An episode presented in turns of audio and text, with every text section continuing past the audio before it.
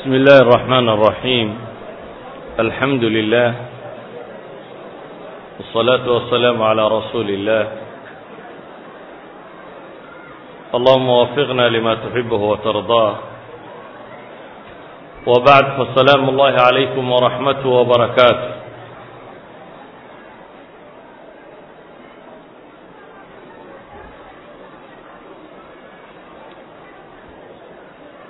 waxaan bilaabaynaa.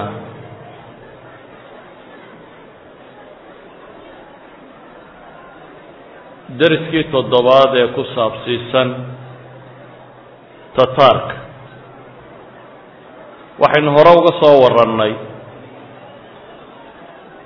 Taariikhdii tataarka qeybtii ku saabsiisnayd addowla alkhawarzimiya iyo sidii ay u jebiyeen ee uga guulaysteen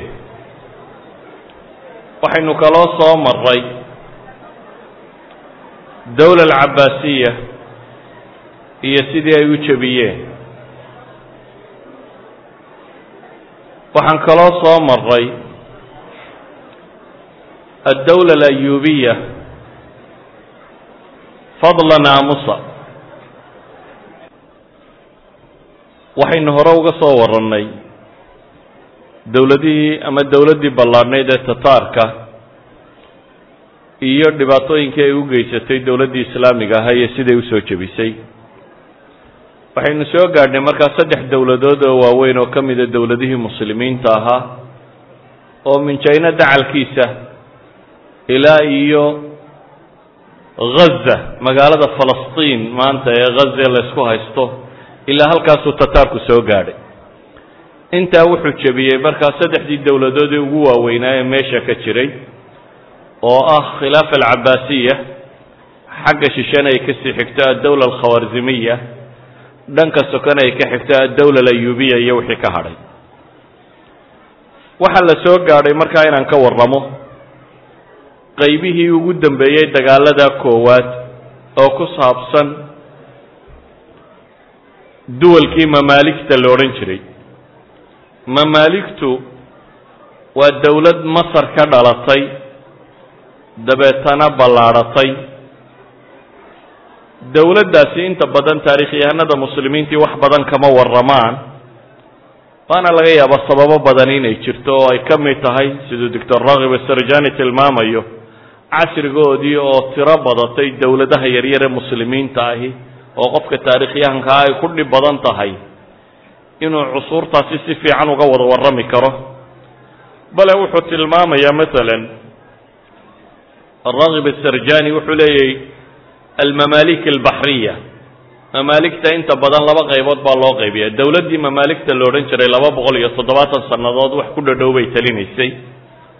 Qaybta hore waxaa la yidhahdaa almamaalik albaxriya waa qaybtooda labaadna waxaa la yidhahdaa almamaalik alburjiya waxaan rajaynayaa inay konton sultaan wax dhaafay lahaayeen marka taariikhdaasi labada boqol iyo intaasaa la tilmaamo. Qaybtan hore ee la yidhahda almamaalik albaxriya waxa uu leeyahay doctor rakhib asarjani waxay telinayeen boqol iyo afar iyo labaatan boqol iyo afar iyo afartan sannadood. Laakiin waxaan rajaynayaa taarikhyahanada kale inay ku tilmaamaan boqol iyo dhowr iyo soddon inay tahay boqol iyo lix iyo soddon meelaha taasaanay u dhowdahay lix boqol iyo sideed iyo afartankii bay bilaabmeen koodii ugu dambeeyey wiilkii yaraa ee xaaji shacbaan la odhan jiray lix boqol iyo afar iyo siddeetankii ayaa kursiga laga riixay. Dowladda almamaalik albaxriya la yidhaahdo ee boqol iyo lix iyo soddonkaa sannadood talinaysay rakhib sarjani wuxuu odhanaya ilaa sagaal iyo labaatan baa soo maray madaxa. Laakiin taarikhyahanno kaloo badani waxay tilmaamayaan inay toddobiyo labaatan ahaayeen.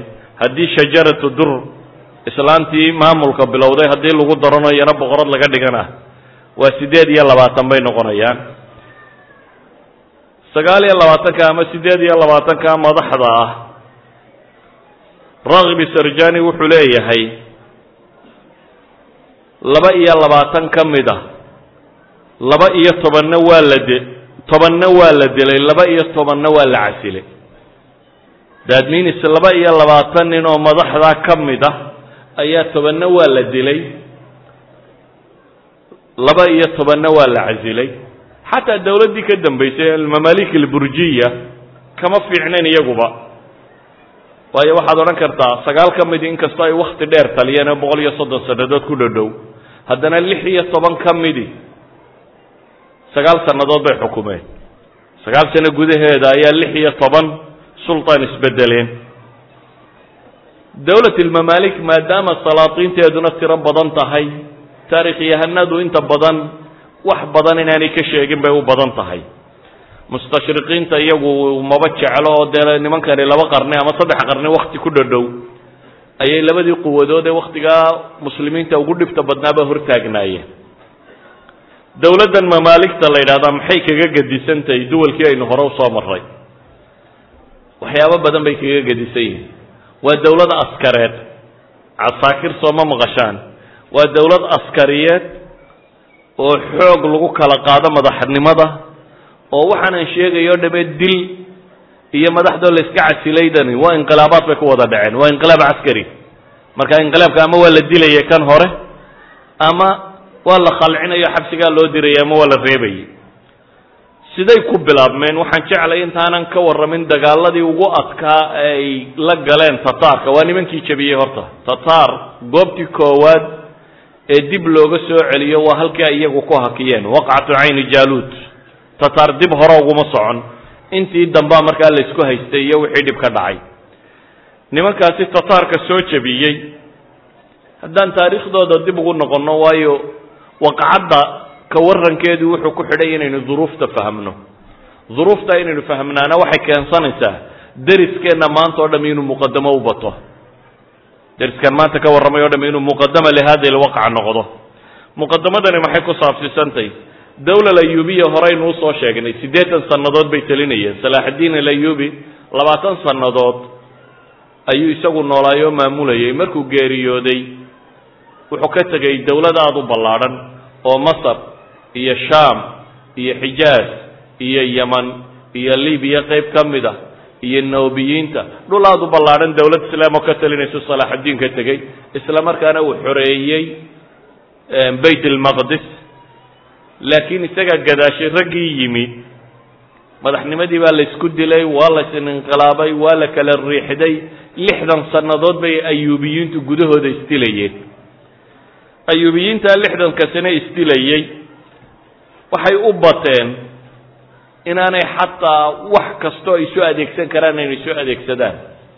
Oo ayuubiyiinta qaybo ka mid ah waxay soo kaxaysteen crusadeskii ama dawladihii masiixiga ahaa ee muslimiinta la dagaalamayey ayay qaarkood soo taageersadeen oo iyaga iyo christan iyo muslim wada socdaa ku wada duulayay dawlad yaroo kaloo muslima lixdankaa sannadood ee dambe tobankii u dambeeyey aan wax ka tilmaamno markaa laga soo bilaabo lix boqol iyo toddobiyo soddonkii masar dawladdeedii waxaa qabsaday ninkii la odhan jiray almelik saalix najmaddiin ayub almelik saalix najmaddiin ayub oo ay taarikhyahanadu ku tiriyaan inuu ka mid yahay dadyowgii ugu fadli badnaa bacda salaaxaddiin dawla ayubiya wixii soo maray.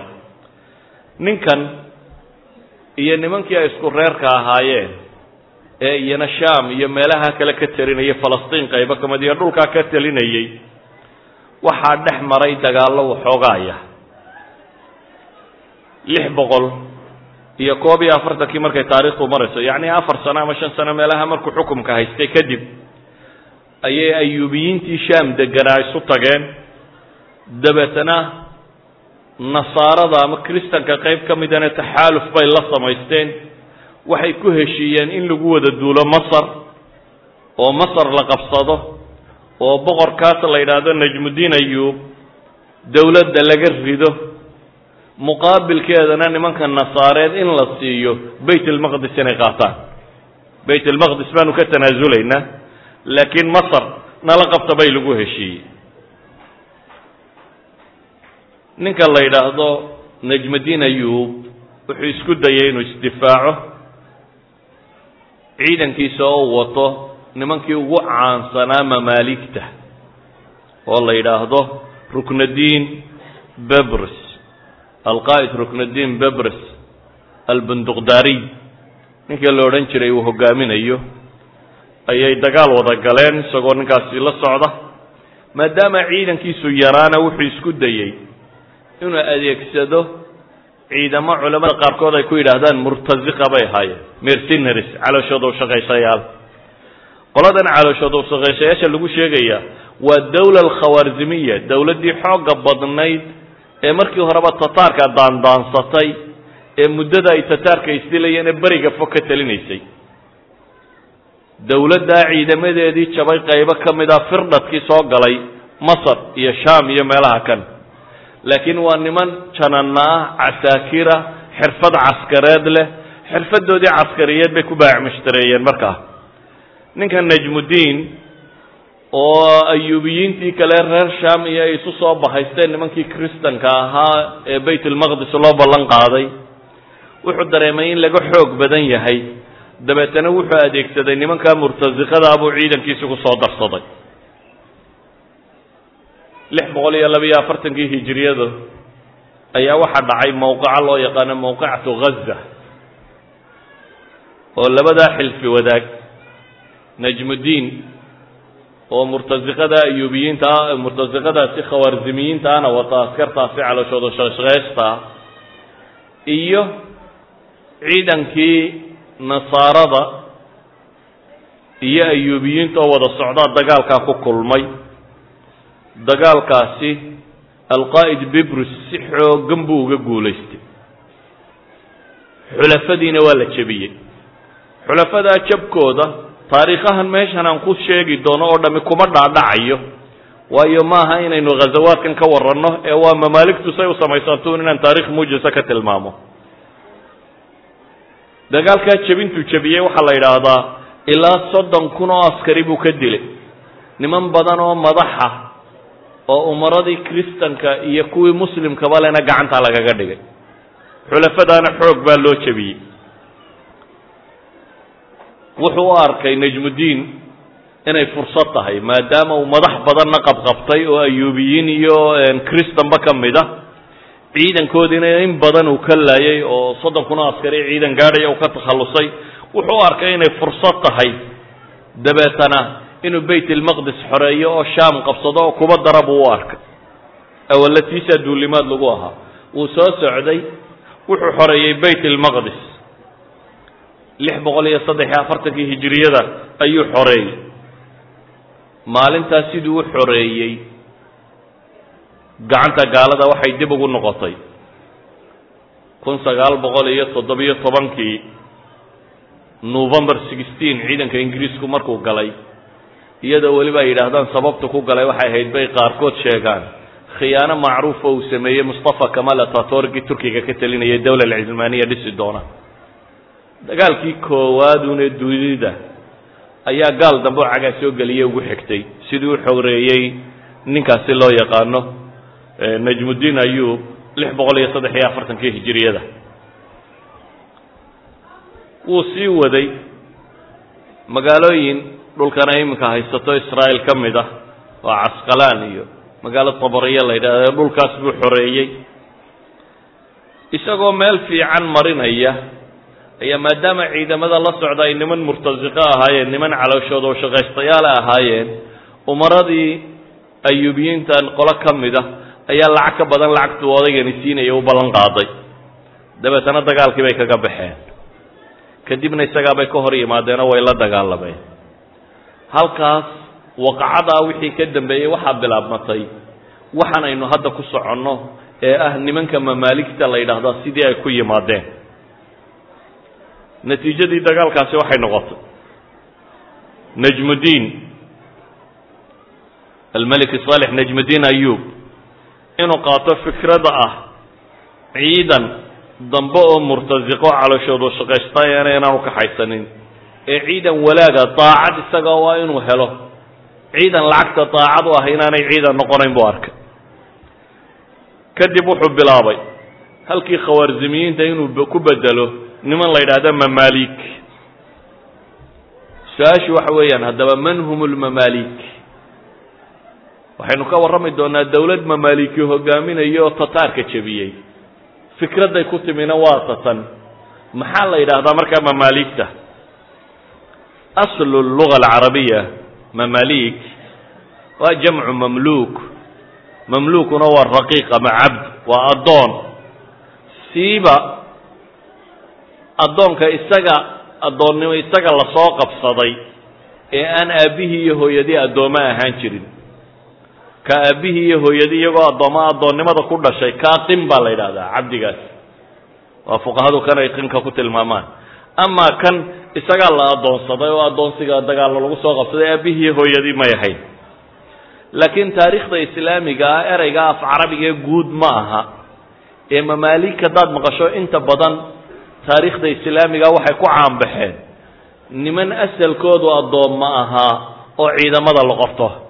Ciidamo marka dambe u noqdo dawladda tan kuwaasaa mamaalik ereyga la yidhahdo ku caanbaxay goor may bilaabmeen waktigan may bilaabmin ka hor bay bilaabmeen. Imaamu tabari raxmat ullaahi calayh fii wuxuu soo aroorinayaa fii taariikhi wuxuu ku soo aroorinayaa ciddii ugu horreysay ee adeegsata ciidan addoommo ah inay ahayd waktigii dowla alumawiya siiba nasar ibnu sayaar ninkii la odhan jiray markuu talinayey waa waaligii khuraasaan khuraasaan waa eeraan waqooyigeeda afghanistan waqooyigeeda ilaa taajikista meelahaasi. Intaa waaligii ama govarnarkii ama barasaabkii uga talinayey dowla alumawiya oo nasar ibnu sayaar la yidhaahdo ayaa ahaa bay dhahdeen ninkii ugu horreystay mamaalik qorta oo kun askari oo mamluuk u qortay. Dabeetana ciidan buu hub buu siiyey ciidan uu ku dagaalgalu noqday. Laakiin akhirkii isaga iyo ciidankiisiiba waa la jebiyey dowla alcabaasiya wakhtigeedii siba waktigii ay telinayeen labadii nin ee midna ma'muun lo odhan jiray midna muctasim lo odhan jiray oo ah boqol iyo siddeed iyo sagaashankii ilaa laba boqol iyo toddobiyo labaatankii ayay labadaa nin ee walaalaha ay telinayeen. Nimankaasaa waxay bilaabeen inay askar badan qortaan. Waayo cahdigii dowla alcabaasiya waxay bilaabeen laba qowmiyadood inay dowladnimada ka fogeeyaan. Nimanka carbeed iyo nimanka beersheniska ah labadaa dowladoodba inay dowladnimada ka fogeeyaan si aan xukunka iyaga cidi ugu soo hungurayn. Maadaama ay labadan bulshood rabeen inay ciidannimada ka fogeeyaan waa inay keensadaan ciidamo kale oo markaa dowladdii muslimiinta ahayd ciidan u noqota.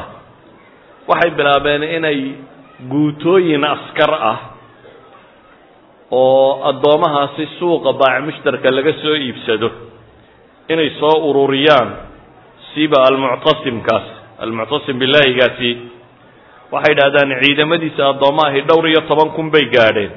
Bale baqdaad markay qaadi weydee dadkiiba ay suuqyada ku cidhiidhiyeen ayuu wuxuu sameeyey magaalo caan ah oo isaga iyo ciidankiisuna ay degaan.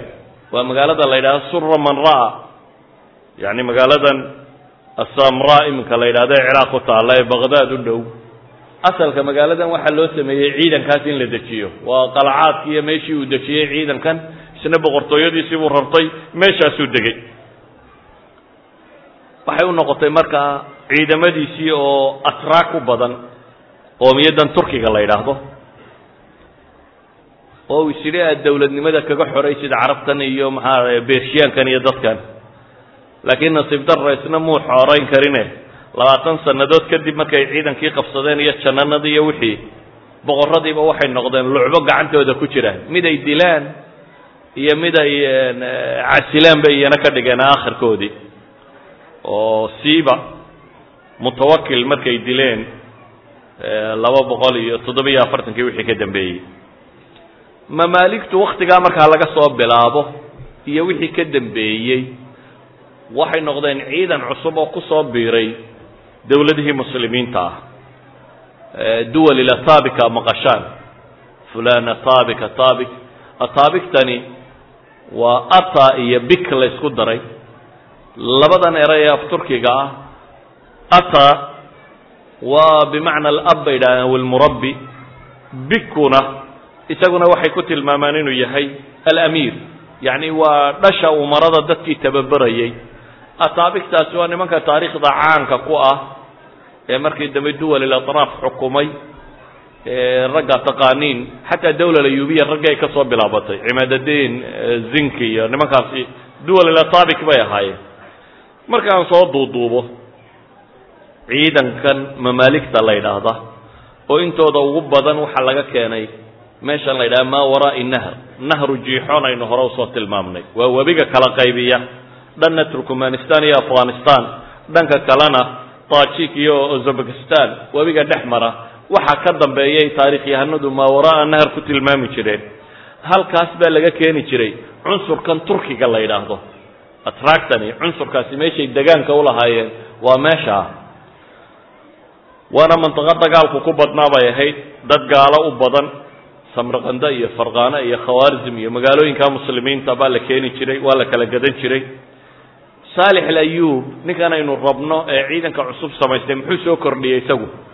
Isagu wuxuu bilaabay fikrad fikradaha hore ka gedisan oo ah inaanu nin weyn askari qoranin wuxuu bilaabay isagu inuu carruurta iibsado. Carruurta yaryare suuqaa lagu iibinayo inuu soo gato. Carruurtaa markuu soo gatana inuu u tababarto ciidamo. Ciidamadii ama dadkii la iibin jiray waagaa ugu badnaa horta dad asalkoodu turkiya ugu badnaa inkastoo laga helayay armeniyiin kuwa ah mongolians laftooda kuwa ah iyo yurubtan indhaa bulugale qaar ahba saqaalibada nimankii la odhan jiray yurubtan bari. Dee intaa waa laga xoog batay dhulkay qabsadeen bay ka mid ahayd waa la kala gadan jiray iyagana. Waxaasoo dhan oo la isku daro ayaa waxay noqdeen cunsurka ugu badan ee caddaanka ah ee addoomaha dadku iminka markaad addoon maqasho nin madow bay ka fekeraan addoomuhu berigaa nin cad bay ahaan jireen. Aad ba u yaraa addoon madoobi. Tira aada u yar bay ahaayeen.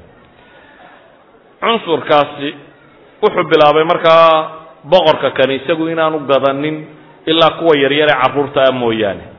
Siiba dad aan muslimiin ahayn laakiin maadaama tataarkii dhul badan oo muslimiina ay qabsadeen oo carruur yaryar oo tiro badan leh ay gadeen dadkaa la kala gadanaya qaarkood waxaa iskaga jiray dad muslimiin ay dhaleen oo carruur yaryar oo muslima laakiin aan af carabiya waxaana ku hadal aabayaashood iyo dadkoodiina dadkii la laayay ay ka mid yihiin. Ninkani wuxuu bilaabay markaa kuliyaad caskariya oo cusub inuu samaysto oo lagu tababaro ciidamadiisaa yaryar. Ciidamadani waa carruur carruurta tan inta aanay sinulbuluuq gaadhin qaangaadh inta aanay noqonin. Kow waxay yidhaahdaan waxaa loo dhigaa af carabiga. Af carabiga markay bartaan baa waxaa la baraa qur'aanka. Qur'aanka markay bartaan baa waxaa la baraa mabaadi' alfiqi alislaami wa aadaab walaadaab sharciya fiqiga muslimiinta iyo adabka sharciga. Inta ay waxaa aada loogu ilaaliyaa salaada inay si fiican u tukadaan. Adkaarta sharciga inay qaybaan ninka mu'adibka ama mucallinkee taraingaraynaya hadduu khata yar ku arko wuxuu isku dayaa inuu tambiihiyo ilaa xad ciqaabaadka qaarkood la mariyo. Carruurtaasi waxay kortaa markaa iyagoo carruur yaryar oo muslimiina oo islaamka jecel oo aqoon badan oo fiqiyana wata oo agtooda culammada iyo cilmigu ku weyn yahay. Waa culamada qaar baa waxay idhahdaan waa sababiha casrulmamaalik ay u soo baxeen culammada maanta ugu caansan dunida. Alafdaadka taqaanin waa cusurtii mamaaligta raggii wax bartay. Yaa ka mid ah. Imaamu nawowi ibnu taymiya ibnu اlqayim ibnu jamaaca imaamu dahabi ibnu kasiir almaqrizi culamadan caanka ee taarikhda ku taqaanin waa casri lmamaalik casrigii nimanka ka nahda cilmiya baa faaftay baa la yidhaahdaa. Ibnu qudama almaqdasi waxaasoo dhami waa casri lmamaalik raggii noolaa saalix alayubi markuu dadkan uu diinta iyo af carabiga waxan baro ee ay soo gaadhaan qaangaadhka ayaa waxaa bilaabata alkuliya alcaskariya markaa.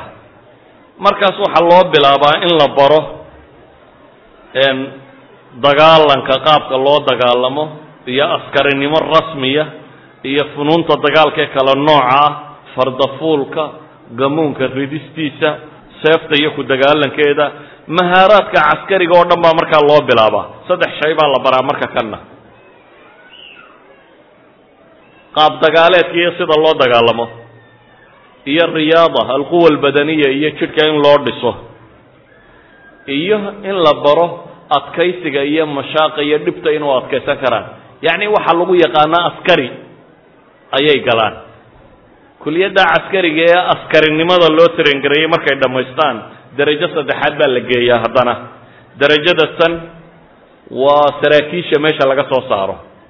Markay halkan soo gaadhaan waxaa la baraa umuur alqiyaada leadership maamul hogaamin iyo maamul iyo khudadka caskariga ee istraatiijiga sida loo dejiyo. Mushkilaadka waaweyna caskariga hadday ku qabsadaan iyo sida loo xallilo iyo umuurta adag oo dhan sida loola dhaqmo. Yacni marka kan waxaa laga dhigaa qaada inay noqdaan. Hogaamiyeyaal janano iyo wixii u dhadhow inay soo baxaan. Asal markaa waxa u noqotay mamaaligtan aynu ka warrami doonaa waa niman min caruurnimadoodii ilaa iyo janano iyo umaro intay ka gaadhayeen tadriib ku filan la siiyey. Hadduu yahay mid diineed iyo hadduu yahay mid military iyo hadduu yahay mid maamul intaba waa rag soo qaatay xadkaa markay soo gaadhaan waxaa bilaabma nidaamu rutubkooda sida loo dallacsiinayo. Qaar firaq caskariya maamula oo dee xidigle labaale saddexle jan wixaa yaryar noqda. Qaar kor loo qaado ilaa xad la gaadhsiiyo maxay rutbadda ah amiirka ay gaadhi karaan. Amiir amiirku waa nin mandaqo dhan xukuma ama meel dhan xukuma. Waa dad maamul ahaan maamul haya dhaqaale ahaan iqitaaciyiin oo dhul dhan la siiyo. Mamaaligtan waxaa kaloo loola dhaqmay islaamku ma yaqaano waxaa loo yaqaano tabaniga ilma aana dhalin inaad tidhahdo anaa dhalay ma yaqaano. Laakiin wuxuu yaqaanaa in qofka la korin karo isagoo magaciisa aan laga bedelin iyo wixiisa. Boqorradani siiba najmuddiin ayuub wuxuu la dhaqmay sidii carruurtiisa oo kale. Oo markuu raggan kuliyaadka ka soo saaray xero gaaruu dejiyey xeraduu dejiyey buu la degey meel la yidhaahdo jaziiratu rawda oo qaahiro ku taalla ayuu dejiyey. Webiga niilka dhexdiisa jaziirad yaro ku taalla halkaasuu qalcad uga dhisay. Isna gurigiisii boqortooyada halkuu u soo raray. Sida carruurtiisoo kale uula dhaqmay. Xad bay yidhaahdaan uu cunada la cuni jiray meeshay seexdaan jeegarayn jiray wax walba way iyana si dhabay u jeclaadeen. Oo nimankan suuqii nakhaasa iyagoo yaryar laga keenay. Suuqa dadka lagu iibiyaa laga keenay iyagoo yaryar haddana waxaa laga dhigay umaro iyo dee dad xawaashidii boqorka ka tirsan. Iyana markaa si fiican bay ula dhaqmeen boqortooyadoo aad bay u soo dhaweysay ciidankan mamaaligta la yidhaha marka hore saasuu ku samaysmay. Ninka la yidhaahdo najmuddiin laba nin ayuu ciidamadiisa hogaamiyaal uga dhigay. Nin la odhan jiray farisudiin aqtaay iyo nin la yidhaahdo ruknudiin bibres labadaa nin ayuu madax uga dhigtay halkan markay marayso intaanan weli gaadhin meeshii aan u socday muqadamadan waxoogaa ku daro. Louisa taasic boqorkii la odhan jiray. Waxaa jiray yurub boqoradeeda wakti ka mid ah. Ayaa boobabku aada u hungureeyeen dabeetana iyaga iyo boobabkooda wada socdaa waxaa la go'aansaday in muslimiinta lagu duulo. Xamlaad kala dambeeyey xamla salibiya alula athaniya athalitha alraabica alkhamisa alsadisa alsaabica xamlaad taariikhda caan ku ah crusaderska nimankan la yidhahda weeyaan. dagaaladii ay soo qaadeen dagaaladan yaa soo qaadayey boqorrada yurub richard kii la odhan jiray qalbulasad ee ingiriiska ka talin jiray philip augustus kii faransiiska ka taliyey maxaa la yidhaha frederica thanigii germany haysan jiray bahamoyo oo qubrus iyo sicily ka talin jiray dagaalkii shanaad ee ay soo qaadaan reer yurubka iyo crusadeska waxaa hogaaminayay boqorkii la odhan jiray louiska sagaalaad ee faransiiska louiska sagaalaad ee faransiisku wuxuu isku dayey inuu tataarka heshiis la galo in muslimiinta gamta loo joogsado. Laakiin waa inagii hore u soo sheegnay boqorka tataarku inaanu cidnaba agtiisa inuu ku arkay inaanu ogolayn dabeetana waxaabuu ka xanaaqay. Boqor yaroo reer yurub oo waraaqu soo dirayo oo iska dhigaya qof macnalo buu ka xanaaqay. Saa daraaddeed wuu diiday fikraddii sulxiga ahayd hase yeeshee boqorkii masar haystay ee najmuddiin xanuunka tibayda la yidhaahda ku dhacay wuu xanuunsaday. Louis wuxuu maqlay intan kale ayuubiyiintuna naf badan may lahayn ninkii ugu xooga badnaana inuu xanuunsanayo tataarkiina inay marayaanba baqdaad qabsadeen iyo waxaasi oo dhan ka soo tallaabeen. Dabeetna wuxuu is yidhi wallahi adna waad ka yara gaadhsiin karaysaaye masar iyo intan iska sii qabso xamlad buu soo qaaday ilaa toddoba boqol oo doonyood buu soo kaxaystay. Ciidan xooggan oo qaarkood ay ku sheegaan boqol kun oo askari ciidan gaadhayuu soo kaxaystay. Wuxuu ku talagalay inuu masar gunta ka rojiyo. Wuxuu yimi meesha la yidhaahdo dimyad dimyad waa magaaladii ugu caansanayd markaa masaarida ee dekeda u ahayd ee baxrul abyadka ama mediterranean seaga ku soo jeeday dimyaad ciidanka inta leg iyo waxani marun bay soo galeen? Waxoogaagii askartii iyo ciidankii joogay waaba ka baqeen waa uga yaaceen. Magaaladii buu iska qabsaday. Halkii buu degay. Waa xamladii toddobaad ee salibiyiinta marka alxamla asaabica weeyaan. Markay qabsadeen meesha tan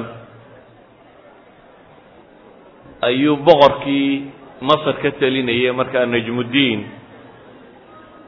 ayaa wuxuu go'aansaday inuu dagaalamo. Weliba inaan qaahiro loogu iman inuu ka hor tago. Laakiin dadka si uu dagaalgeliyo wuxuu go'aansaday isagoo buka oo jiifa oo sariirta saaran in la qaado frontka la geeyo isagana. Ciidamadiisii wuxuu amray inay baxaan. Meel dhexe madiinadan almansuur la yidhahdo almansuura halkaas buu ciidankiisii keeyey oo kollayba wuxuu garanayay webiga niil inuu soo raaci doono marka inaan qaahiro la ysugu imana dhexda inuu dagaalku ka dhaco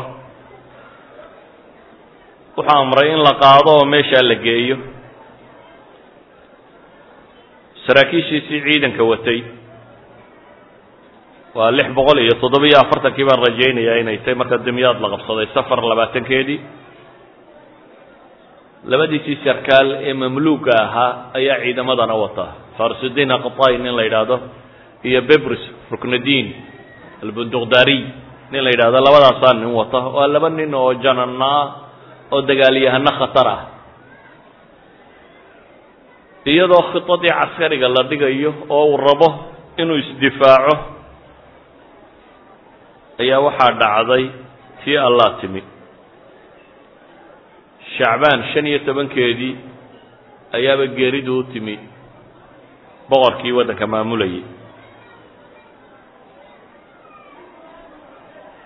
waa nin boqoroo saalixa buu ahaabaa lagu tilmaamaa isagu waa ka ibnu taqari berdi ayaa wuxuu leeyahay low lam yakun min masaaxin sulطaani saalix najmudiin ayub ila tajalludah cinda muqaabalati اlcaduwi bilmansuura wa huwa bitilka اlamraad almuzmina wa mowtiha cala aljihaadi waaldabdi can اlmuslimiina lakafaahu dalik ma kana asbarah waakzara maru'atah wuxuu leeyahy ninkan adkaysigiisii iyo dagaalu jooggiisii uu muslimiinta isku dayay inuu dagaal geliyo iyo sabarbadnidiisii ayaa ku filan buu tilmaamaya. Ilaahay baa og inay ku filantahiyo kale. Ninkani wuxuu ahaa nin saalixa. Say taarikh yahanadu ku tilmaamaan. Musiibadii mar qura waxaa dhacday musiibada dadkii muslimiinta oo ah magaaladii horena in laga qabsaday dagaalkiina inuu mukadhadhow yahay geesh xooggan oo boqortooya wadataana inuu soo socdo boqorkii muslimiinta u telinaya ee dagaalka soo geliyeyna inuu dhintay. Weliba nasiib darrada joogtee kale markaasi say dadku u arkayaanna waxa weeyaan ciddii dhaxli lahayd ee boqortooyada qabsan lahaydna lama hayo. Boqorku markaa wuxuu qabaa gabadh shajaratu dur la yidhaahdo. Gabadha tani iyana waa mamluukad kale waa turkiyadna dadka badh baa idhaha dadka badhna armiiniyad bay ahaayeen baa la ydhaha waa gabadh uu suuqa ka soo iibsaday kadibna uu xoreeyey kadibna uu guursaday inan bay u dhashay inankiina wuu dhintay. Gabadhaa shajaratu dur oo mamluukadiyana ah ayuu qabaa la socota. Laakiin waxay ku sheegaan gabadha tani gabadh aada u caqli badan bay ahayd bay idhaahdaan waa iron womankii soo maray taariikhaha muslimiintay ka mid tahay. Gabadha tani waxay go'aansatay inaanay geerida boqorka sheegin ay qariso. Oo waxay tidhi dhakhaatiirtiibaa waxay u diiday in cidi u soo gasho. Amarkaasay bixisay. Dhakhaatiirtiisiibaa waxay amartay bay tidhi inaan cidi u soo gelin. Wiil uu dhalay ninka kani oo aanay isku fiicnaan jirin. Aabbihii aanay iskuba fiicnayn oo tuuraan shaah la yidhaahdo oo ka taliya magaalo yaroo xisnu kiifa xisnu kayfa la yidhaahdo. Xisnu kayfa waa magaalo turkiga koonfurta bariya turkiga ku taalla. Waa webigan dejlabaa mara. Ilaa hadda waa magaalo jirta. Xisnu kifa meeshaa la yidhaahdo ayuu ninkani boqor yar ka ahayo ka telinayey kaasay fariin u dirtay. Ay leedahay aabbahaa dhimay kursigii boqortooyaduna wuu bannaan yahy xaalad khatarana waa lagu jiraa. Dhakso u kaalayo na soo gaadh. Waxay kaloo u yeedhay labadii janan ee ciidanka hogaaminayey waxay ku tidhi war boqorkii dhimay. Dadkase in loo sheego diyaar uma yihi ninkaasaanu fariin diroo imanaya. Dadka hala dagaalgeliyo dagaalka si fiican u maamula. Labadan jananna waxay qaateen bal wax waliba horta ha dhacaan inay dagaalka galaan. Oo aan dadku jabin sidii baa lagu heshiiyey. Waxaa dhacday waqacadda taariikhda muslimiinta caanka ku ah ee la yidhaahdo mawqicat almansuura magaalada mansuuro la yidhahdo ee masar ku taalla ayay ka dhacday afartii dilqacda lix boqol iyo toddobiyo afartankii. Macraka xooggan baa dhex martay nimankii nasaarada ahaa iyo muslimiintii laakiin waxay ku guulaysteen bixawli illaahi wa quwatih inay jebiyaan ciidankii uu watay louis ataasic khaarij almansuura waa la jebiyey. Waxoogaa ciidamo boqorku nin ka soo horreeyey oo ay taarikhyaanada qaarkood yidhaahdaan guushuu rabay inuu keligii qaato louiska uu ka soo degdegay wax kasta ha noqoto tafaasiisha kama warramayo. Waa la jebiyey. Haddana toban maalmood kadib bay haddana hujuum kale ku qaadeen. Louis hujuumkii kale wuu iska dhiciyey wuu soo celiyey halkaa markay marayso ayaa waxaa yimid tawran shaah. Xukumkii baa loo caleemo saaray. Dabeetana dadkii muslimiintana waxoogaa nasri horena waa heleen boqorkiina waa yimi waa ku farxeen. Dagaal cusub baa la takhdiidiyey waa dagaalada ugu waaweynaaye muslimiintu galaan baa lagu tilmaamaa mid ka mid ah. Laba bilood kadib madiina farskur la yidhaahdo oo iyana masar ku taalla. Berigaa hore tuuraya tuulo yar bay ahaan jirtay oo shaarix sham yaa la yidhahda mise shaarix sam magacankaasi ay lahayd. Meeshaas ayaa dagaalkii kale ka dhacay. Dagaalka nimankii masiixiyiinta ahaa guntaa laga jaray ilaa iyo boqorkii faransiiska waa la qabtay boqorka laftiisaa gacanta lagu dhigay. Kadibna shuruud adag ayuu ku xidhay boqorka. Wuxuu yidhi waan ku sii daynaya. Boqorkii waa la soo qabtay. Ra'iisal wasaarihii ama wasiirkii ugu weynaa gurigiisa fakhrudiin ibraahim baa lagu xidhay. Kadibna heshiis baa lala galay. Heshiisku qodobo adag baa ku jira. Waxaa la yidhi kow siddeed boqol oo kun oo diinaar oo dahaba ayaad bixinaysaa siddeeddaa boqol oo kun oo diinaar ee dahabka ah. Nusna haddaad kaash u dhigaysaa nusna wakti soo socdaad bixinaysaa waxaa kaloo intaa la socda wax allaaliya wixii aa maxaabiis hore u qabsateen muslimiina. Dufcada hore aa lacagta bixinaysaan baa ku soo daraysaana waa la soo daynaya. Waxa intaa kaloo la socda wax allaaliya wixii aan maxaabiis kaa qabanayna waa haynaynaa ilaa iyo dufcada dambe lacagta qaybta dambe installmentka dambe ilaa waktigaa ka bixinaysaan maxaabiistiinana waa la haynaya. Waxaa kaloo heshiiska ka mid ah tobanka sannadeedoo soo socdana inaan wax dagaala la isku qaadin. Intii baa la aqbalay. Laakiin waa adduun aada u tiro badan. Siddeed boqol oo kun oo diinaar waxay u dhigmaan saddex kun iyo afar boqol oo kiilo iyo dahaba yacni one point four ton waxay u dhigmaan wax ku dhodhow three point four ton waa saddex tan iyo badh wax ku dhodhow waxaa laga rabaa inay naqad hadda u bixiyaan one point four ton hal tan iyo badh wax ku dhodhow oo dahaba oo naqada inay iminka dhiibaan. Dee boqorkii baa xidhan kristankii waa isu tagtageen intii waa la soo ururiyey waa la keenay. Louis ataasic waa la sii daayey magaaladan caka la yidhaahdo oo imaarad masiixiyiina ayuu dib ugu noqday. Halkaa markay marayso tawraan ninkii la odhan jiray tawraan shaah marka kan xoog buu isbidaysnaa. Boqortooyadii buu qabsaday taarikhyahanada qaar waxay dhahdaan nin dabeecad xun buu ahaa. Siyaasaddana kuma fiicnayn lafteeda guushii uu boqorkii faransiiska ka guulaystay ee boqortooyadii uu qabsaday ayuu dadkii la socday. Umuu aabba yeelin dadkii uu meesha ugu yimi kow islaantii boqoradda ahaa ee ku sintay meesha ee waxaas oo wanaagga u gashay wuxuu yidhi lacagtii aabbahay baad qarisay iminkada waa inaad soo saartaa hantidii aabbahay. Haddii kale waa kaa takhallusaya. Aad buu ugu hanjabay baa la yidhi. Nimankii guulahan waaweyn geystay ee casaakirta ahaa ee mamaaligta ahaana wuu iska ilduufiyey ama mas'uuliyaadkoodii buu wax ka qaadqaaday. Waxoogaa ciidane uu kala yimi xaggaasi oo watay ayuu rutabkii sare iyo meelihii sare ku taxday. Waxaa bilaabmay in la kala shakiyo markaa. Nimankii mamaaligta ahaa way ka shakiyeen ninka kan iyo dhaqankuu wado.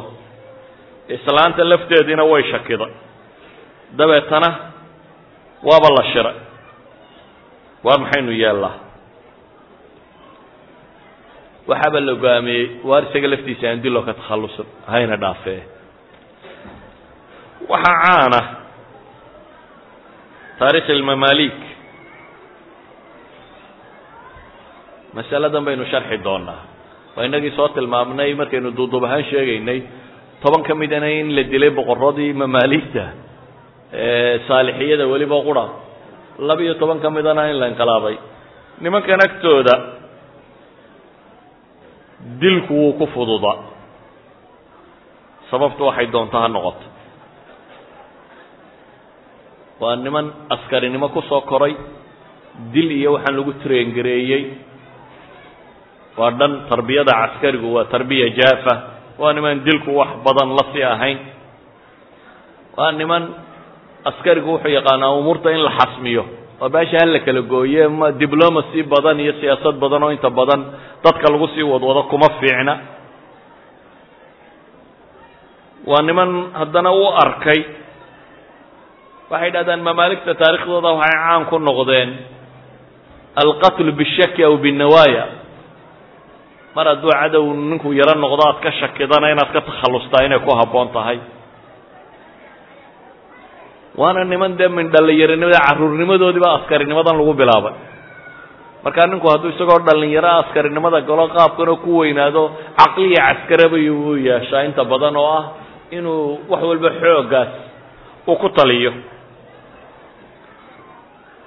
Sanad fiqiya ama sharciyi ma jiro sheegaya boqorka manaasib kaa qaaday ama kaasoo yaro horjeestay ama caynkan in lagu dila ma jiro. Laakiin waxay u arkeen inay ninkan ka takhallusaan go'aankaasay qaateen. Dabeetana ninkan odayga ah waa dileen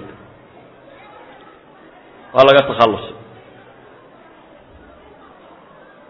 Toddobaatan maalmoodba kadib maalintii uu ka yimi xisnu kiifa. Shawgeeridunbaa buu soo socday tala uma soconin. Toddobaatan casho kadib isagana waxaa lagu daray fii acdaadi almafquudiin waa la dilay weliba dilkiisu. Dil aada u adag buu ahaa. Waxay dhahdaan wuxuu dhintay. Jariixan hariiqan xariiqan bay dhahdaan aw maxruuqan. Waxay sheegaan in la dilay. Nabarka warankay ku dhufteen wuu dhaawacmay. Markuu dhaawacmay buu ka cararay. Markaasuu minaarad fuulay. Minaaraddii bay dab ku shideen. Markaasuu ku guftay bay yidhaahdeen wuu ka booday. Webiga niil buu isku tuuray markaasuu ku dhintay. Deetna waxay yidhaahdaan jariixan isagoo ah dhaawaca oo guftay oo haftay buu dhintay bay yidhahdaan kadibna meeshii baa loo tashada maxaa la samaynayaa marka? Halkan waxaa ka bilaabantay war cusub labadii kooxood shajaratu dur iyo nimankii askarta ahaa way iswaafaqeen. Laakiin meeshii firaaq siyaasiya yime maxaa la samaynaya waxay bilaabeen in dowlad cusub la dhiso. Oo weliba dowladdaasi ay islaantu madaxu noqoto. Waa fikrad aada u jadiida halkan dowlat lmamaalik baan markaa ka bilaabayna. Mamaaligtan taariikhda intii aynu naqaanee hore dowlado badan baa adeegsaday oo tuuloniyiinta nimankii la odhan jiray oo dowla alkhshiidiya oo dowla alfaatimiya oo dowlaadka qaarkood afar boqol oo kun oo askari bay wateen. Khshiidiyiintii oo kale afar boqol oo kun oo askari mamluuka bu haystay. Xoraastiisoo quraa sideed kun ahaan jirtay laakiin dowladaha hore la yaqaano o dhan mamaaligtu kursiga sare may hungurayn jireen ee kolba boqorkii meesha qabsadabay dee taageeri jireen. Hadda waxaabay isweydiiyeen war meeshan nin ayuubiyoo dhexlayaa ma joogo. Kii yimina waatana waa laga takhallusay. Bal kursiga maynu inaguba isku dayna bay isweydiiyeen. Maxaaba uun maalinba nin boqoro loo saaraya maynu inaguba. Meesha qabsanno shajaratu dur islaantan la yidhaahdaa waxay ahayd qof dumara bay yidhaahdaan oo geesiyada oo dhiiran oo caqli badan bay yidhaahdaan bay ahaan jirtay. Iyana xisaabaadkeedii waxay isugu geysatay oo weliba qiyaadada iyo xikmad badan ku leh oo waxaynu ka garan karnaaba fitradii uu ninkaasi maqnaa siday wax u sii maamushay. Waxaanay aragtay inay nimankan laftoodu ay taageerayaan aan warkooda soo koobo habartaasi waxay qaadatay inay iyaduba boqorad noqoto. Nimankii mamaaligtina waxay tidhahdeen kolle islaanta hadhow wa iska riixi karaysaane. Bal horta cadhadan hore ninkan loo qabayo waxaana kaga gudubteene meesha ha qabsato. Iyana waa taageereen. Mamaalik albaxriya oo taageersan ayay habartii iclaansatay inay waddanka madaxweyne ka tahay. Waa awal dawla islaamiya habare ay tidhaahdo madax baan ka ahay ee taariikhda hore islaamiga lagu lagu soo maqlo dee adduunka adduunkan mu ahayne waa waa islaba rogte qayladii baa badatay. Dabeetana magacyo badan bay la baxday. Waxaa caan ahaan jirtay boqoradu inay laqab la baxaan. Magac bay la bixi jireen. Waxay la baxday malikat almuslimiin alsaalixiya boqoradii muslimiinta ee saalixiyada ahayd. Saalixadu waa almelika saalix najmudiin bay u nisbo sheegaysa odageedii dhintay. Laakiin lama aqbalin markaasay haddana ka bedesho waxay tidhi malikat lmuslimiin asaalixiya waalidatu sulطaan khaliil amiir اlmu'miniin kii yaraaye ay dhashee dhintay ayay isna magaciisa meesha ku soo dartay haddana waxay aragtay baa la yidhi inaan la aqbalaynin markaasay haddana sii kordhisay waxay la baxday laqaba malikat اlmuslimiin almustacsimiya alsaalixiya waalidatu sulطaan khaliil amiir اlmu'miniin boqortooyadii islaamiga ahayd ee baqdaad ka jirtay waa intii aanay weli dhicin. Ayay u nisbo sheegato mustacsimi bay sheegatay. Anigu amiirad yaroo meel haysataan ahayd dee khaliifadii guud mayhi bay rabtaa inay tidhaahdo. Laakiin warkaasi ma u eg yahay war ay aqbalayaan muslimiintii waagaasi noolay. Warkaa lama aqbalin. Mudaharaadaa ku kacay magaaladii baa buuqu badatay. Markaasay tidhi yaanu dabadu warka u bixin oo magaalooyinkii muslimiinta hore albaabo laga galay lahaan jire albaabaday dadka ku xidho waxay tidhi bal tuulooyinka warkan iyuu gaadhin hala joojiyo laakiin waktiga kani ma ahayn wakti dumar wax hungareeyo dee beriguu noolaa raggii ragga ahna u ahaa sulطaan alculamaa baa jooga ciزadiin ibnu cabdisalaam ninkii la odhan jiray ee baayic ilmuluk boqorada iibiyey sulطaan ibn alculamaa iyo rag la midaba manaabiirta u baxay dabeetana islaantii xaalkii wuu u sugmi waayey. Boqorkii ay isku magac dartay ee mustacsimkii haystay baqdaadna isna ma aqbalin habar baa madaxe ee waraaq buu soo diray. Waraaqda uu soo diray isaguna wuxuu ku soo qoray. In kaanat الrijaalu qad cudimat cindakum faaclimuuna xataa nusayira ilaykum rajula. Masr buu yidhi reer masarow haddii meeshii nin rag laga waayey iisoo sheegaa nin idin soo dire buu yidhi boqorkiina waraaqdaasuu soo diray. Taasi waxay abuurtay markaa inaanay u suurtagal ahayn islaantan inay xukunto. Haatan waxay qaadatay haddaba fikrad kale. Inay magaca ka daadegto laakiin ay xagga dambe wax ka maamusho. Waxay is tidhi nimaad xukumi karto oo magac nineed wata laakiin xiniyo adigu aada u sido kaa meesha ka maystidhe oo u n nimanka xooga badan leh wax maamulo kuwa ka weeco. Waxay aqbashay markaa inay ka tanaasusho. Iyay uga tanaasuleysaa. Nimaan caa'ilad xooggan lahayn ayuubiyiinta iyo waxaa maaha. Nin mamaaligtan ka tirsan. Weliba dee mamaaligtu isku mid maaha. Farisidiin aqta iyo bibris iyo ragay xukumi karto maaha. Jananadii waaweynaaye meesha joogay markaa waxay damcday kuwaana inay ka weecato. Nimaan aad markaa caan u ahayn laakiin mamaalik albaxriya ka tirsan oo cizadiin aybak la yidhaahdo. Oo asalkiisii horena jashankiir buu ahaa. Jashankiirku waa shaqo guriga qasriga laga qabto waa boqortooyada madaxda had iyo goor waxaa jira qolo cunadooda qaabilsan oo dhadhamiya si aan boqorkiiyo waxaa loo samey nimankan madaxda o dhan bahasha waa laga dhadhamiya iyagu ma bilaabaan. Mid baa jira soo dhadhamiyo haddii lagu sumoobayo isagu sumooba. Laakiin si aan madaxdu u sumoobin marka waagii hore shaqadan baabuu hayn jiray. Wuxuu ahaa jashankiirkii madaxtooyada buu ahaan jiray. Ninkaasoo ayay istiri kan baad wadwadan kartaa. Dabeetana cizadiin aybak bay guursatay waxaana yidhaahdaan wuxuu ka mid ahaa raggii aan ku caanbixin muranadii u dhaxeeyey jananadan iyo ciidamadan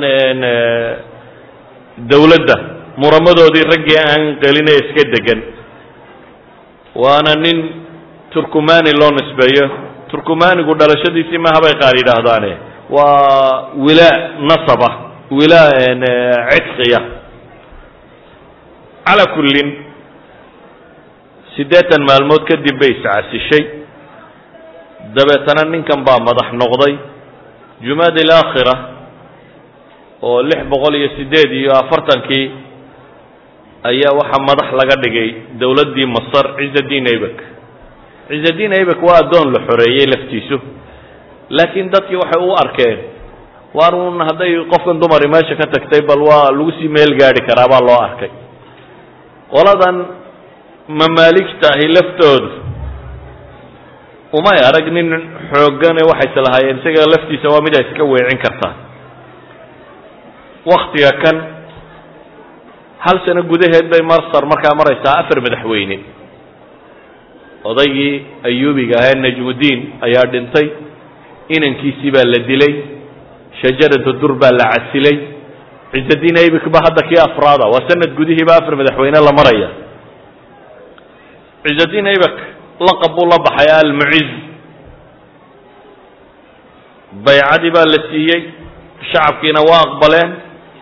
Isna wuxuu isku dayey inuu awraaqdiisa ratibto. Ciidamo cusub buu qortay. Mamaalik ilbaxri wixii ka soo raaci karayna wuu ku darsaday. Ciidamadiisa cusub. Nin dhallinyaro ah oo geesiyo cusub ayuu madax uga dhigay. Waa ninka la yidhaahdo markaa sayfaddiin qutus ninka aynu u soconno inaynu taariikhdiisa ka waranno ee goobaha tataarka jebinaya waa wiilkan yar markaasi ee la soo dallacsiiyey ee uu ka dhigtay almuciz jananka ciidamadiisiiya uu u dhiibtay. Waa markii ugu horreysay taariikhda duhuuru ku yeesho. Ayuubiyiintii shaam joogay kumay qancin qadiyadda tan ee waxay isku dayeen masar innagaa iska lahayne waa maxay addoomahan iyo waxaan qabsaday iyo dumarkan isugu tegey aan ku duulla yidhaahdeen weerar bay soo qaadeen. Cizadiin aybik laftiisaa ka hor tegey meel zakaziqda halkan la yidhaahdo meel u dhow. Alcabaasiya macraka la yidhaahdo la galay. Waa jebiyey. Boqorkii joogay. Baqdaad baa soo hadlay heshiis baa laga dhex riday. Heshiiskaasi wuxuu noqday markaa falastiin in loogu daro cizadiin aybak. Khaliifadiina inuu ictiraafo. Marka cizadiin aybak hadda saxiixii boqortooyada ee muslimiinta khaliifadana uu helay. Marka waa boqorkii rasmiga ee meesha. Laakiin taasi waxaanay u qurhqurhsamin jananadii isaga ka hooseeyey dee dowladdan guulaheeda keenay. Siiba ninkii la odhan jiray farisidiin aqtaay oo ciidankii markaa mamaalik albaxriya ninkii ugu sarreeyaya ninkaasi boqorkan maba ictiraafin. Alimaam almaqrisi fi kitaabi asuluuk limacrifa duwal اlmuluk wuxuu leeyahay xaqiraad uu xaqirayo abik wuxuu ka gaadhsiiyey buu yidhi inuu alqaabtiisaba ugu yeedho. Almuciz iyo melik iyo waxa uguma yeedhi jirine yaa abak buu odhan jiray buu yidhi markuu u yeedhayo maxaad umalaynaysaa jananka ciidamadaada ama wasiiru difaacaga markuu yeedhayo hebelow ku leh madaxweyne iyo waxba toona raacinaynin. Xaqiraad weliba daraaddeed aan saaxiibtinimo ahayn. Abak wuxuu go'aansaday ciizadiin abak boqortooyadan sidii u xejin lahaa. Mamaaligta waxaynu dhe takhalluska agtooda wax weyn kama ahayn. Wuxuu go'aamiyey markaa wixii ka soo horjeeda inuu ka takhalluso dabeetana janankii ciidamadiisa haystee farasudiin akhatai la odhan jiray buu ka takhallusay markuu janankaasi dilay ayay habartiina shakiday. Waxay is tiri wallahi ninka farasudiin akhatai kow kaga siiyey. Inaanu xukum iyo waxba toona kuu ogolaanaynin waa waa shakiday. Almamaalik albaxriya ninkii ugu weynaa markii la dilay jananadii ku xigay waa baxsadeen ciidankii mamaaligta ee baxriga ahi wuu kala daatay. Qayb ka mid oo badani waxay u carareen dawla layubiya dhankeedii oo weliba ka mid yahay ninkii ninkan ku xigay ee bibris la odhan jiray ilaa dimashq buu tegey. Mar kalea waxaa soo dhex galay boqortooyadii baqdaad ka telinaysay oo isku dayday inay heshiisiiso. Waxaa ku heshiisiiyey mamaaligtan baxriga ee shakiday ama yaacday inuu falastiin dejiyo ghaza inuu dejiyo isaguna boqorkii meesha haystay inuu noqdo. Dagaaladan laga soo maamulayo dhanka kana in laga daayo. Halkaa markay arrintu marayso. Oo ninkii uu meeshii xejistay ayuu damcay inuu sii xejisto si looba ictiraafo. Boqor ka mida boqorradii ayuubiyiinta. Ayuu xidhiidh la sameeyey waxaanu ka dalbaday inuu inantiisa siiyo. Waa ninkii la odhan jiray badrudiin lulu aynu inta badan soo marray muusil haysto oo aan nimanka fiican ka mid ahayn ee tataarka ku xidhaa buu ka mid ahaa. Kaasuu inantiisa dalbaday. Islaantii aynu xikmadda iyo caqliga badan ku fakerayn ku sheegaynay. Markay arrintan maqashay caqligiiba wuu ka tego hinaasaa qaaday. Dabeetana waxay go'aansatay iyana inay cizudiin ebek disho wixii dhacayaaba ha dhacaan igan boqorka ee odaygeeda ah inay ka takhallusto ficlan waa sidii wax la heshiiye iska dhigtay waa u yimi ciidan bay meel ugu qarisay tafaasiil waxba geli maaye iyana isagii bay ka takhallustay ciizadiin ebekna markaa waa la dilay meesha waxaa la soo dilay baynu idhi tawran shah waa la dilay shajaratu dur waa la casilay ciizadiin ebek oo ka dambeeyey waa la dilay farasudiin aktai waa la soo dilay imikana ciizadiin baa takhalluskiisii taagan yihi janankii ciidamadiisa sayfadiin qutus ninkii la odhan jiray ayaa meeshii dib u qabsaday inan yarow ciizadiin ebek dhalay oo cali la yidhaahdo wiil yaroon weli qaan gaadhinba buu kursigii saaray. Habartiina wuu soo qabtay. Habartii waxaa lagu xukumay in la dilo taarikhyahanadu waxay dhahdaan malaa mamaaligta waktigoodii waa ta qura ee dilka xaq mudatay in la dilo. Laakiin ariiqaday u dileen baa iyana fool xumay. Islaan kale oo uu qabay odaygan la dilay ciizadiin aybak oo inankan iminka boqorka laga dhigay dhashay ayaa arrinkeedii lagu wareejiyey. Islaana walba ka hinaasasanayd oo boqorka ka qaaday ayaa la yidhi la wareeg. Islaantaasaa la wareegtay iyana intay jaariyadihii u hablihii u isugu yeedho halkan ku xidhxidhay ayay tidhi kab ku dila. Kabahan qaraafiicda la yidhaahdo kabaa jiray loox laga samayn jiro qabaabiib la yidhaahdo oo maasirra dusha lagaga dhejin jiray looxa. Kuwaasaa loola baxay. Habartii shajaru ee cilmiga aqoonta badnayd iyo caqliga badnayd iyana kab qaraafiica lagu dilay. Sidii kabtaa loogu garaacayay sidii boqorkii aynu ku soo khaliifa alcabaasi haraatida ku dhintay say tataarku haraati ugu wadeen shajaratu durrina haraatidaasaa lagu dilay kabtaa looxaaya baa lagu dilay waa ariiqa nisyaaniya bay yidhahdaan waa qaab aan runtii u cuntamin in qof bini aadama loo dilo laakiin saasay ku dhimatay arrinkii wuxuu marayaa markaa masar oo wiil yar uu madax ka yahay oo nuuraddiin cali la yidhaahdo gacantana uu ku hayo wasiy uu yahay sayfaddiin qutus nin la yidhaahdo. Sayfaddiin qutus waxaynu odhan karnaa marka kan waa alxaakim alasliy ee maamula dowladda waddankan ka talinaysa. Waa alxaakim alasliyi dowladdan maamula. Waxa uu markaasi sameeyey inuu dejiyo dowladda tan qutus waa kuma. Haddaynu isweydiino ninkani xagguu ka yimi isagu. Taarikhyahanada muslimiintu waxay isku waafaqsayiin taarikhda muslimiinta raggii soo maray ragga ugu waaweyn inuu ku jiro. Waxay yidhahdeen magiciisa dhabta ah maxmuud ibnu mamduud baa la yidhahdaa maxmuud binu mamduud baa la yidhahdaa bay idhaahdeen waa nin qoys boqortooyo asalkiisu ka soo jeedo. Ninka kan waxaa la yidhaahdaa waxaa hooyadii dhalay. Boqorkii baxru qaswiin ku dhintay ee moxamed alkhawarzimi ee dowladdii khawarzimiinta la soo jebiyey. Ama waxaa abtigiiyo hooyadii la walaal tahay jalaaladiin alkhawarzimi ninkii tataarka afghanistan labada jeer ku jebiyey ee kadib la soo kaceen ee sindi ka tallaabiyeen ee xagga iyo indiya orodka ku galay.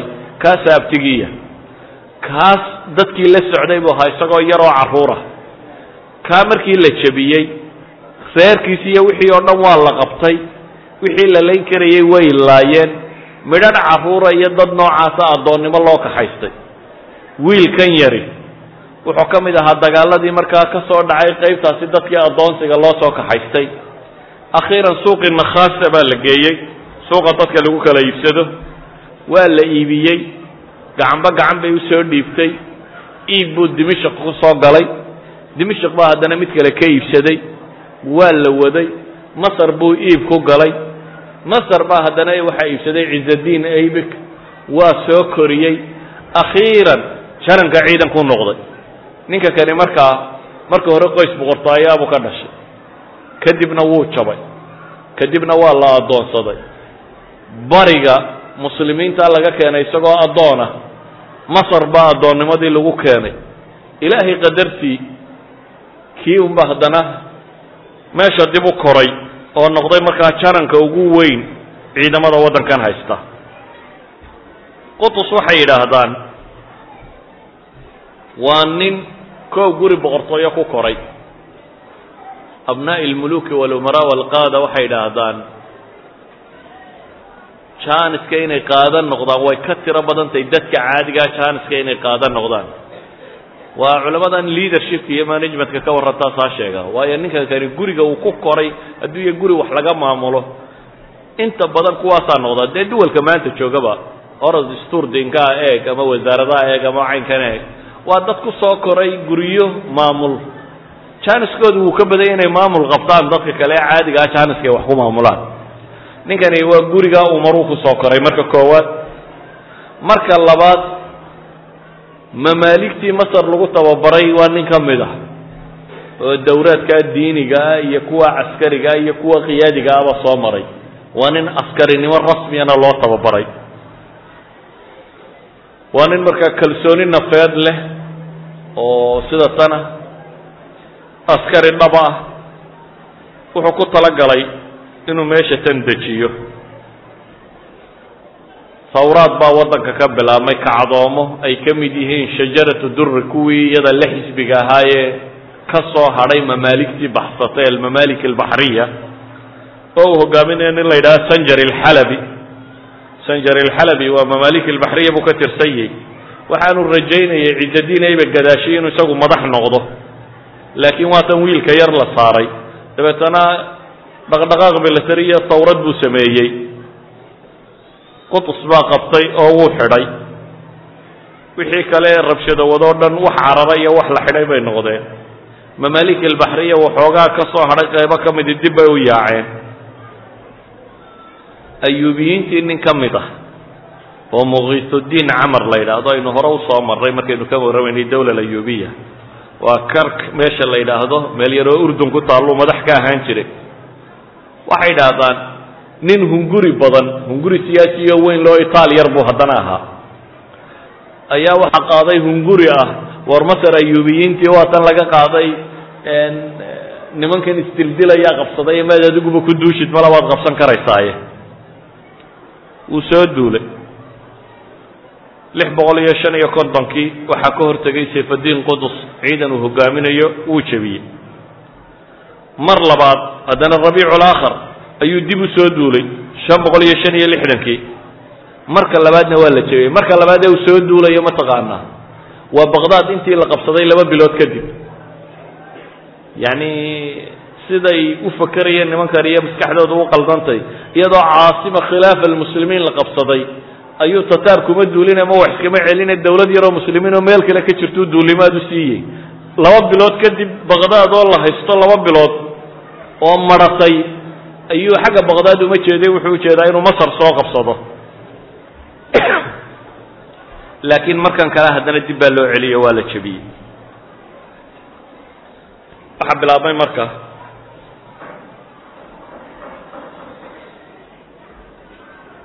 Wiil yaroo masar haysta iyo ninka qutus la yidhaahdo ficlan taliya rasmigaa ah iyo holaag oo dagaalkii soo wada oo sham iyo dhulkaa inteeda badan soo qabsaday oo markaa xalab maraya.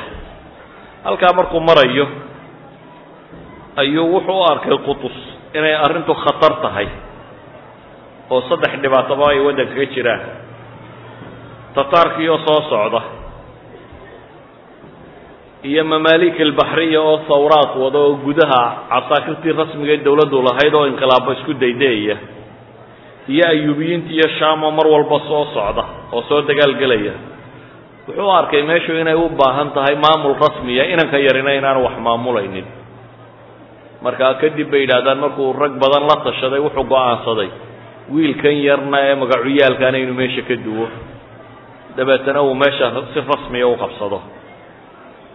Sayfadiin qutus afar iyo labaatankii dilqacda lix boqol iyo toddoba iyo kontonkii ayuu markaasi masar qabsaday markuu masar qabsaday wuxuu bilaabay dagaal ah inuu u diyaar garoobo tataar sidii uu u jebin lahaa. Caqligan yare hoose inqilaabaadkan iyo waxaana sidii looga bixi lahaa. Inuu musaalaxo raadiyo ayuubiyiinta la heshiiyo mamalik albaxriya la heshiiyo siyaasa alkhaarijiya waddanka uu dhiso maxaa la yidhahdaa xataa kristankii haystay tuulooyinka tirada badan leh ee dagaaladan soo qaaday inuu la heshiiyo inuu isku dayo dagaalkiisa inuu ku wajaho tataar waxa dadka ka soo hadhay ama kristan ha ahaadaan ama muslim ha ahaadaan si kastoo loo col yahay inuu heshiise la geli doono. Waxaan isku dayi doonaa markaa dariska dambe inaan ka bilowno. Tataarkii oo duulimaadkoodii soo wada iyo qutus oo qabsaday magaalada masar iyo dagaalkii caynu jaaluud sidii ugu diyaar garoobay maantana aan halkaas kaga joojiyo. Wasalaamu calaykum waraxmat ullah